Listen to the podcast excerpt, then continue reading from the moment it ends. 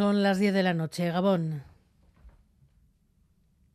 Repasamos los titulares de la jornada con John Fernández Moore. Noticias de este miércoles 7 de junio, sí, en el que comenzamos mirando a Irún.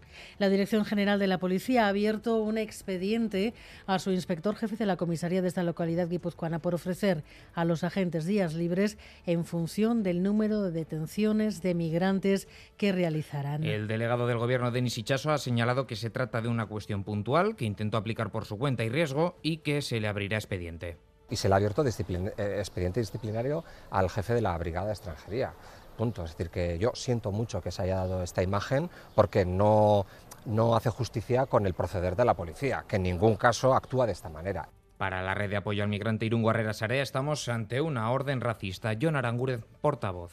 No podemos entender que un jefe de la Policía de Extranjería de Irún tenga mueblada la cabeza de manera que dirija a los efectivos de la policía a, a cazar eh, personas racializadas, porque es que es, lo que ha hecho, o sea, es lo que hacía, es lo que pretendía.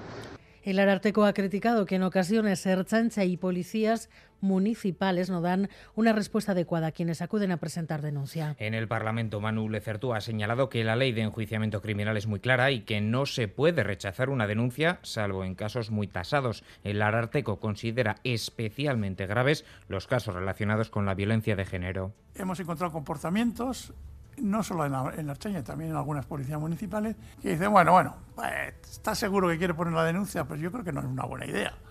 Este tipo de actitudes eh, el las tiene que criticar, porque son contra la ley.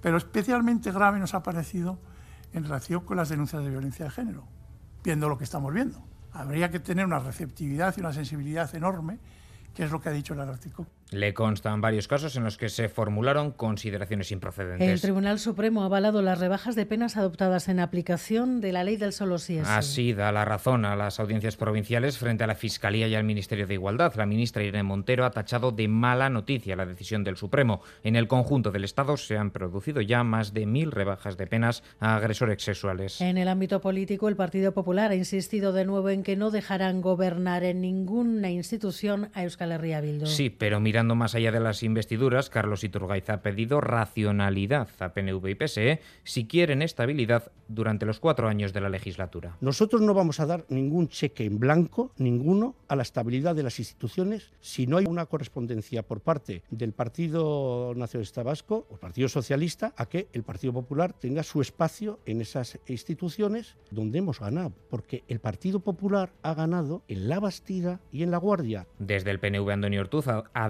deslizado hoy la opción de no presentarse en la Bastida, donde el PP ganó con bastante diferencia, pero en la Guardia es distinto, según el presidente del Euskadi Burubatzar. Al haber, ha dicho, casi un empate técnico. Y en la comunidad autónoma vasca hoy han comenzado los exámenes de la EBAU. Casi 13.000 alumnos afrontan las pruebas de acceso a la universidad desde hoy hasta el viernes. Ya está, el primer día hecho. Eh, yo creo que el que todo el mundo está nervioso era el de historia, ha sido el segundo, pero bueno, ya nos lo hemos quitado encima, así que en eso perfecto. Euskera no lo sé muy bien por el texto, historia yo creo que muy bien y química bastante bien. Euskera y química han sido un poco como inesperados, ¿no? Es cansado, pero bueno, animado porque esta es la última tarde ya potente. Es todo, así terminamos. Más noticias en una hora y en todo momento en eitv.eus y en la aplicación EITB albisteak. Gabon!